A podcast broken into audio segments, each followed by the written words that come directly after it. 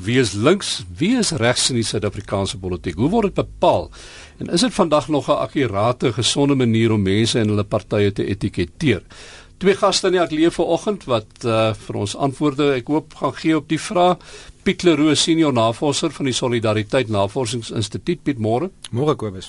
En uh, Dr Piet Kroukamp, die twee Piete vanoggend. Moenie de mekaar raak nie, want uh, Piet Kroukamp is senior lektor in politieke wetenskap by die Universiteit van Johannesburg. Môre. Goeiemôre.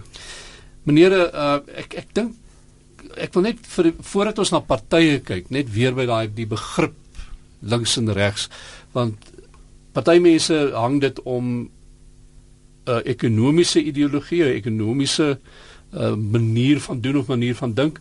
Ander ouens gebruik ander kriteria om te sê 'n ding is links of regs, Piet.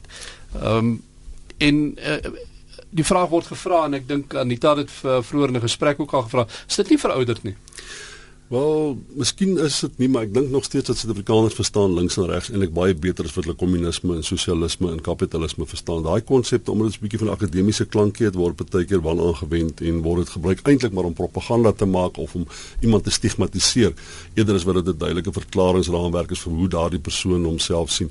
Links en regs in Suid-Afrika wat dit wat vir my interessant maak van so 'n algemene term is dit dit spreek tot die identiteit van die persoon. Met ander woorde, dit sê vir my min of meer hoe hy polities daar uitsien wat sy ekonomiese sosio-ekonomiese agtergrond is. Dit sê waarskynlik my wat sy velkleur in Suid-Afrika is. Dit sê vir my bietjie hoe hy sy opponente sien. Mense wat tipies links is in Suid-Afrika kyk op 'n totaal anderste manier as mense wat ons as tipies regs sou beskou. Maar nou ongelukkig ontstaan die situasie ook dat mense wat sê net maar konservatief is, enige iemand wat sê net maar ergens in die middel van daai spektrum beland. So sê net maar 'n liberale persoon beland reg in die middel tussen links en regs. Daardie persoon word dan ook nou gestigmatiseer as sou hy soos hulle graag sê onder die regs is 'n liptaart wees of 'n iemand wees wat aan die linkse kant van die politieke hmm. spektrum is. Maar dan gaan dit oor die stigmatisering. Wanneer mense jou eie identiteit beskryf, baie min mense wat selfs mense met 'n regse disposisie, mense wat hulle self sosiaal, polities, kultureel regs gedra of wat uh, sê net maar 'n akademikus as regs sou beskou. As jy vir hom sê jy's regs, sê maar ek is nie regs nie. Pieter Mulder byvoorbeeld, hy kan verskriklik uh, verneder voel deur die term regs want hy wil nie regs wees nie. Maar daar's mense wat sê maar jy funksioneer aan die regterkant van die politieke spektrum. Ek wil gou inkom met 'n vraag. Ek het gister met Roland Henwood gesels, julle kollega by Tikkies.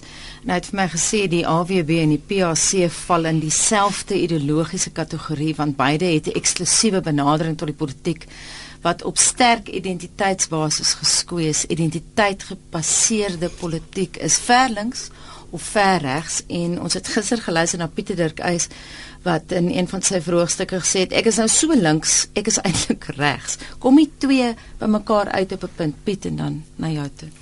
Wel ek ek, ek dink as mense dit so omskryf dan uh, verwar jy eintlik die die dinge bietjie want die ding is wat uh ekonomies gesproke beide hierdie disposisies, nee, wil op 'n of ander manier staatsbetrokkenheid hê. Hulle wil graag hê die staat moet determineer hoe die samelewing lyk en hoe die samelewing ontwikkel maar polities gesproke is hulle ironies genoeg geweldige groot vyande en dit is dikwels omdat hulle self in opponerende kategorieë polities plaas. Die een sal wit wees en die ander een sal swart wees. Beide sal uh, ekonomies gesproke staat maak op staatsintervensie, maar die een kan waarskynlik op 'n geweldige uh, kapitalisties wees of vrye mark gerig wees en die ander een kan op 'n manier sosialisties wees.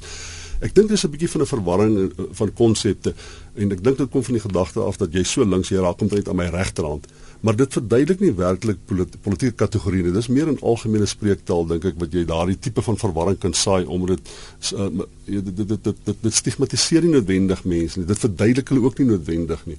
Maar ek dink uiteindelik maak dit is dit meer belangrik om te kyk of jy kan hou by uh, kategorieë waar daar 'n mate van konsensus oor is. Daar's konsensus oor wat 'n vrye mark uh, uh, uh, veronderstelling is. Daar's konsensus oor wat konservatief is, daar's konsensus oor wat liberal is of liberaal is. En ek dink as ons wil mekaar verduidelik, as ons politiek wil verduidelik, moet ons by daardie konsensus gedrewe kategorieë bly op 'n manier.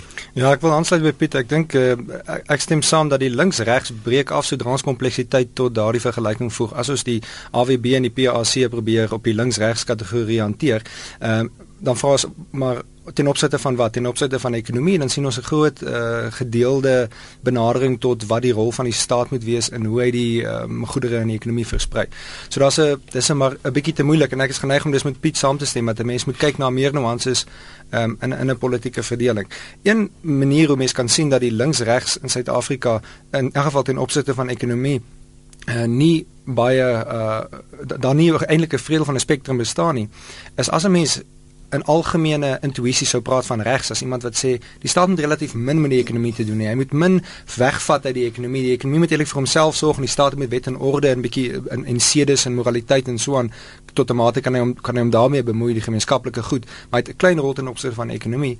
En ons probeer die Suid-Afrikaanse partye op 'n spektrum uh, hanteer en plaas. Dan sien ons dat daar nie een party is wat 'n radikale vermindering in belasting vra nie. Nie een party wat 'n dramatiese afskaling in openbare werkeprogram het nie. Nie een party wat 'n uh, 'n uh, 'n uh, verandering uh, sterk verandering in fiskale beleid en monetêre beleid toestaan wat die inmenging verminder nie. So as ons uh, dit blyk asof daar in die Suid-Afrikaanse politieke spektrum nie veel vat is nie. Daar's nie 'n party wat sê ons sien 'n geleentheid om met 'n radikale ehm um, boodskap, 'n radikaal 'n sterk boodskap van verminderde staatsinmenging in die ekonomie sukses te behaal nie. Ek jy weet jy kan ironies genoeg, jy kan twee identiteite dra in Suid-Afrika ideologies gesproke. Jy kan jouself sê net maar as 'n tipiese liberale denker beskou en dan in vanuit 'n regse perspektief sal mense jou as links beskou en as jy 'n wit Suid-Afrikaner is en jy's liberaal word jy as konservatief geëtiketeer terwyl dieselfde identiteit maak dat die regses jou weer as links etiketeer. So in 'n sekere mate uh, dit hang baie af van uh, binne uh, in-groep en out-groep politics. In watter mate word jy binne jou eie groep geïdentifiseer en in watter mate word uh, sê net maar die uit die buitegroepe identifiseer hulle jou ideologies. Maar ek het nou ons nou gedink ons gaan nou vir julle die uh, die groot 5 of so uh, politieke partye voorhou en vra waar staan hulle op die spektrum man as ek nou luister na wat julle hier sê uh, die, die twee Piete nou maar ons is te uh, wit ons is te wit om te besluit. Die die maar as, as kom ons kyk net as ons nou gaan kyk na die uh, ekonomiese beleid wat uh, uh, Piet Leroux ook nou na verwys het dan is dit ook so dat bitter min van hulle van hierdie ouens verskil dramaties van mekaar. Ehm um, daar's nie een van hulle ons het nou nie die SAKP hierby nie want hulle is nie groot genoeg nie maar ek meen hulle is miskien die een party daar's so een of twee van hierdie ouens regtig die klein partytjies wat sal praat van 'n dramatiese verandering in die ekonomiese beleid van die land die manier van doen en wat wil teruggaan na kommunisme en sosialisme so maar meeste van hierdie ander partye ehm um, praat eintlik dieselfde taal. Uh dis net uh, op ander goed wat hulle verskil. Jy, jy kan lekker verward word met die ANC byvoorbeeld want jy kan dit amper as 'n staats vorm van staatsgedrewe kapitalisme beskou. Met ander woorde, die makro-ekonomiese beleid klink asof dit in, in terme van 'n vrye mark uh, program omskryf word, maar dan kry jy hierdie hierdie behoefte om die hele tyd van die staat in betrokke te wees by die ekonomie en dis half asof dit 'n kontradiksie is en ek dink ekonomies hulle tog miskien met Piet self namens homself praat maar jy hoor dikwels dat mense sê maar dit is daai vaagheid dit is daai beleidsonsekerheid wat op die ou en die Suid-Afrikaanse ekonomie ondertrek. Want eintlik moet jy 'n baie spesifieke beleidsraamwerk hê 'n bepaalde uh, politieke struktuur vereis 'n bepaalde ekonomiese struktuur. Met ander woorde ons moet werk skep ons moet 'n vrye mark ekonomie as ons die ekonomie wil red soos Suid-Afrika moet ons kan nie bekostig om die pendel tussen staatsbetrokkenheid en die vrye mark gedagte nie. Op 'n manier moet ons meer spesifiek wees. Jy kan pragmaties wees, maar ons moet meer spesifiek wees in die ANC of die regering se uh, se drift tussen uh staatsbetrokkenheid en 'n vrye mark makro-ekonomiese beleid is wat die onsekerhede veroorsaak wat eintlik die kapitaalskaarste in die ekonomie veroorsaak. Ek wil vir Piet Leroux 'n vraag vra. Die NP was eintlik baie sosialisties, maar baie mense sou dit as 'n regse party beskou, veral Europeërs. Die Vrye Mark Party daai tyd was die PFP. En die natte het 'n baie sterk sosiale bewustheid gehad, maar dit was natuurlik rasgebaseer. Sou jy saamstem? Ek dink die nasionale party het 'n baie sterk ingryp in, in ekonomiese ingryping gehad. Mense het dit gesien in van die manier hoe koöperasies gestruktureer is tot uh, hoe belastinggewers hoe dit herverdeel is. Ehm um, groot staatsinkomste, groot mega staatskoöperasies. Ehm um, die nasionale party het 'n lang tradisie van 'n beskouing dat die staat uh, in, in, met die ekonomie te doen moet hê. So in in daardie sin het dit definitief ehm um, dit dit deel 'n sekere ehm um, domein daar met die met die sosialisme. En die rede hoekom die nasionale party as regs beskou word is omdat dit baie van die ander dimensies, uh eh, naamlik die identiteitsdimensie, uh eh, 'n sterker rol gespeel het. Ehm um, en ek dink ehm um, in die Suid-Afrikaanse politiek sien mense heel weinig van daardie identiteitsdimensie. Meeste van die politiek gebeur uh ten minste in liberale in liberale taal gaan rondom uh, individuele vryheid. Ek dink die die VF+ miskien en die PAC miskien die EFF miskien 'n bietjie ehm um, het kom met 'n mate van identiteit na vore maar ek wil hulle ook nie te maklik saamgroepeer want daar's mm. ook dramatiese verskille. Mm. Ek moet net gou een ding sê Kobus het gesê die SAKP is miskien 'n bietjie te klein om 'n dramatiese invloed te oefen in die Suid-Afrikaanse politiek. Mense moet onthou dat hulle die tweede grootste party in die parlement is. Uh in in in gevolge hulle samewerking met die ANC is daar 'n stuk of uh, 60 na 80 uh SAKP persone in die ehm um, in die in die in die ministers ag uh, parlementslede en as jy kyk na invloedryke ministers soos Rob Davies um, wat 'n lid van die politburo van die SAKP is, dan sien mense invloedryke SAKP stroming daar. So ek wil amper Piet sê ek ek wonder of mense die woord kapitalisme selfs tensy jy te vriendjies kapitalisme moet noem in die in die verband van die ANC moet moet gebruik. Ja, ek dink as kyk as voorstanders van die vrye mark gedagte, maar weer eens ek in Piet en daar dink ek dis mense versigtig wees vir die gedagte sê dat daar's baie kommuniste in die parlementêre stelsel. Omtrent al hierdie kapitaal of hierdie uh, kommuniste, hierdie kommuniste het almal gekonformeer tot die ANC se paradigma. Almal val of staan vrye mark-ekonomie in 'n sekere mate voor. Hulle konformeer, hulle koop in tot die makro-ekonomiese beleid van die ANC. Die kommunistiese party in Suid-Afrika is eintlik maar net 'n politieke entiteit wat konformeer tot 'n groter politieke identiteit binne die ANC. En as 'n as as daar's weinig politieke stiekrag in kommunisme in Suid-Afrika. Kommunisme maak nie hond daarof nie. En die kommuniste wat binne die parlement se trek te groot salarisse, ry te duur karre en is te deel van die makro-ekonomiese beleid van die ANC in die land in die breë om werklik 'n politieke identiteit te hê wat destruktief inwerk op die groter uh, politieke narratief in Suid-Afrika. Piet Wie sou in Suid-Afrika 'n sosiale demokraat wees? 'n Tipiese Europese sosiaaldemokraat. Wat vir interessant die ander dag toe sê iemand vir Helen Zille dat sy 'n uh, uh, uh, uh ja, miskien die tipe van konservatisme aanhang wat jy tipies met Margaret Thatcher sou assosieer. Dis sê nee, ek is meer 'n Angela Merkel ondersteuner. Met ander woorde, daai is 'n vorm van sosiale demokraat, maar wat jy kry binne 'n politieke party, so selfs die DA, kry jy baie konservatiewe mense, kry jy sosiaaldemokrate, jy kry waarskynlik vrye markgerigte. Daar's 'n elke politieke party wat saak maak in Suid-Afrika is konglomerasie van verskillende ideologiese identiteite. Binne die DA dink ek kan jy vir Helen Zille beskryf as iemand wat 'n sosiaal-demokraat is, maar sy heers oor 'n steenbasis wat dikwels effens meer aan die konservatiewe kant van die politieke spektrum funksioneer. En dit is ook maar baie te doen met effektiwiteit. Ek dink baie van die steen tot die die mate waartoe mense ten minste die DA van die ANC onderskei op ekonomiese beleid het veral te doen met aansprake op meer effektiwiteit, ja. aansprake ja. op minder korrupsie, nie soseer aansprake op beginselveranderings nie. Die, dit word soms gesê beginsel, maar dit is ja, nie so sterk. Jy, jy hoor dit was Ek wil net terug aan Piet uh, Piet Leroux na iets wat uh, ons nou vroeër na verwys het en uh, waar verskillende partye op staan ten opsigte van ekonomiese beleid. En daar word baie gepraat van 'n vrye markbeleid. Ons het nog nooit 'n vrye mark in hierdie land gehad nie. Nee, Kobus, mense is 'n bietjie versigtig om nou uh denkfout hier te begin en dan uh ek stem heeltemal saam daar is nie eintlik voorbeelde in die wêreld van 'n vrye mark nie, maar mens moet versigtig wees om dit as 'n as 'n ehm um, as 'n utopie te sien. Ek dink 'n mens moet dit beskou as kom ons definieer dit eers. 'n Vrye mark is iets waar handelstransaksies met wederwysige voordeel tussen alle partye gebeur, ten minste wanneer hulle intree tot die tot die transaksie en daar was nie bedrog of misleiding en so aan gewees nie. So dit is wanneer elke elke party tot 'n transaksie 'n redelike verwagting het om daai te baat. So dis nie asof een wen en die ander een breek gelyk of albei breek gelyk nie, albei wen. Dis die definisie van 'n vrye mark. En ehm um, as ons sê 'n afwyking daarvan iets wat nie 'n vrye mark is nie, is wanneer die regering dramatiese ingrepe pleeg in ten opsigte van wie mag wat koop, wat moet pryse wees, ehm um, uh, uh, hoeveel belasting word gehef, wie moet wie aanstel, dan kan ons sê ja, in Suid-Afrika was was daar is daar sekerlik nie sprake van 'n vrye mark nie, nie nou of onder die nasionale party nie. So dis die twee punte van die spektrum wat jy nou eintlik daar beskryf. En ons lê hier ergens Ek dink ja, ek dink as mens die die hele spektrum probeer beskryf dan kom mense eintlik uit by uh, stalinistiese Rusland waar jy alles insluitende selfs landbou probeer uh, onder staatsbeheer plaas jy probeer al die produksiemiddels ten minste hmm. onder staatsbeheer plaas dis natuurlik onmoontlik om alles altyd staatseiendom te hê. Wanneer iemand iets verbruik dan moet jy dit vir hom gee dan word dit syne.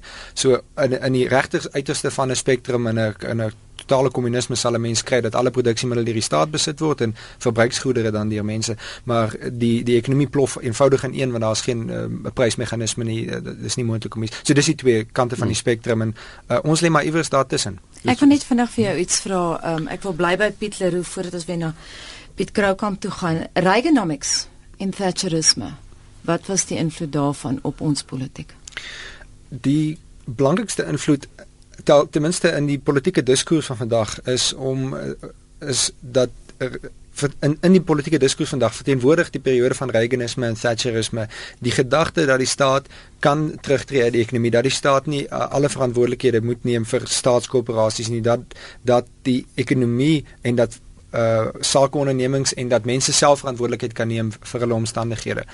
Uh ek dink nie as mense nou gaan kyk en jy gaan ontleed die begrotingstekorte en die belastinglaste in daardie tyd dan kom jy agter dit was ook maar nie so 'n groot skuif gewees nie.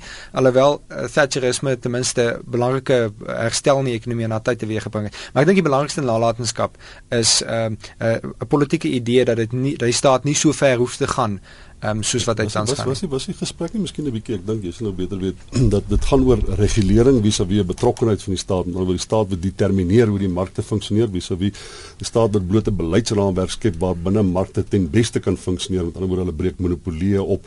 Hulle sal politieke kragte probeer eh, minimaliseer soos vakbonde byvoorbeeld en ek dink in in Groot-Brittanje. Met ander woorde dis op 'n daar is regulering daar is 'n vorm van betrokkeheid maar dis 'n stelsel betrokkeheid dit dit gaan nie daaroor dat die staat op in bepaalde dele van die ekonomie op 'n manier betrokke raak om die mark te na na, na kant te druk nie met ander woorde om uh, salarisse af te druk of om groter werksgeleenthede skep ensovoorts nie die argument is dat met regulering skep die staat die kondisies waaronder privaat entrepreneurs hulle eie behoeftes kan maksimeer en as gevolg daarvan ontstaan daar allerlei geleenthede vir ander mense. En ek dink dit is was met Reaganomics en met, met Thatcherism was die was die skuif in daai rigting. Die regulerende staat wie die betrokke staat. Tot voor dit was ek dink veral Brittanje was met al die arbeidsparty was 'n baie betrokke staat was 'n groot deel van die kenmerk daarvan maar die die regulerende die regulerende staat uh die een van ook van die nalatenskap is dat die gedagte daardie dat die regulerende staat 'n neutrale een kan wees. Dat wanneer daar mededingingsbeleid is, dit eintlik 'n polities neutraal, dis net 'n uh, Ja, in, in, in ons net, in ons situasie sien dit baie duidelik wanneer ja. die staat nie net regulerend optree dan word vakbonde word op 'n manier toegelaat tot die ekonomie. 'n Politieke komponent word toegelaat tot die ekonomie wat markte op 'n of ander manier destabiliseer.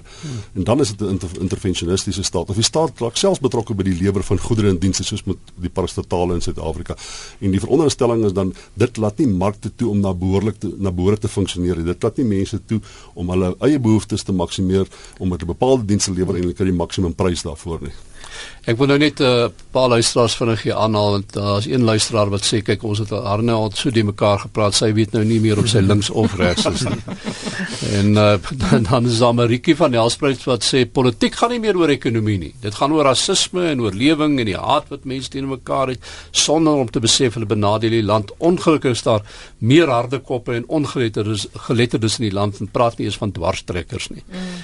Ehm um, is dit 'n regtige akkurate prentjie van wat in ons land aan die gang is. Wel is dit totaal verkeerd, want jy moet onthou ons identifiseer onsself nie net ekonomies nie, nie net in terme van ons klas of waar ons in die mark uh, ekonomie funksioneer. Ons kyk ook ons godsdienst identifiseer ons, die maniere ons as opponente sien, uh waarskynlik uh watter tipe van verhoudings ontstaan tot die regering histories gesproke met ander woorde die bevrydingsbeweging so konservatief as wat die ANC eintlik is vandag is daar eintlik weinig wit mense wat vreeslik aanklank vind by die ANC want niemand stem vir die ANC nie. Met ander woorde en jy kan met alle eerlikheid sê dat die die ANC is nie uh, meer as liberaal nie. Hulle is definitief daar is weinig links in hulle in die manier hoe hulle die land en die politiek bestuur. Jy kan sê daar's 'n oormaat van 'n uh, uh, ekonomiese betrokkeheid deur die ANC, maar dit het te doen met die groot armoede wat in die land is. Jy sal waarskynlik aanvaar dat armoede sal nie noodwendig aangespreek word deur markkragte alleen nie. So om die ANC as links te beskou, maak jy baie groot uh, ideologiese fout, maar die feit bestaan is as hoe jy jouself identifiseer en jou opponente identifiseer, histories gesproke sowel as nou,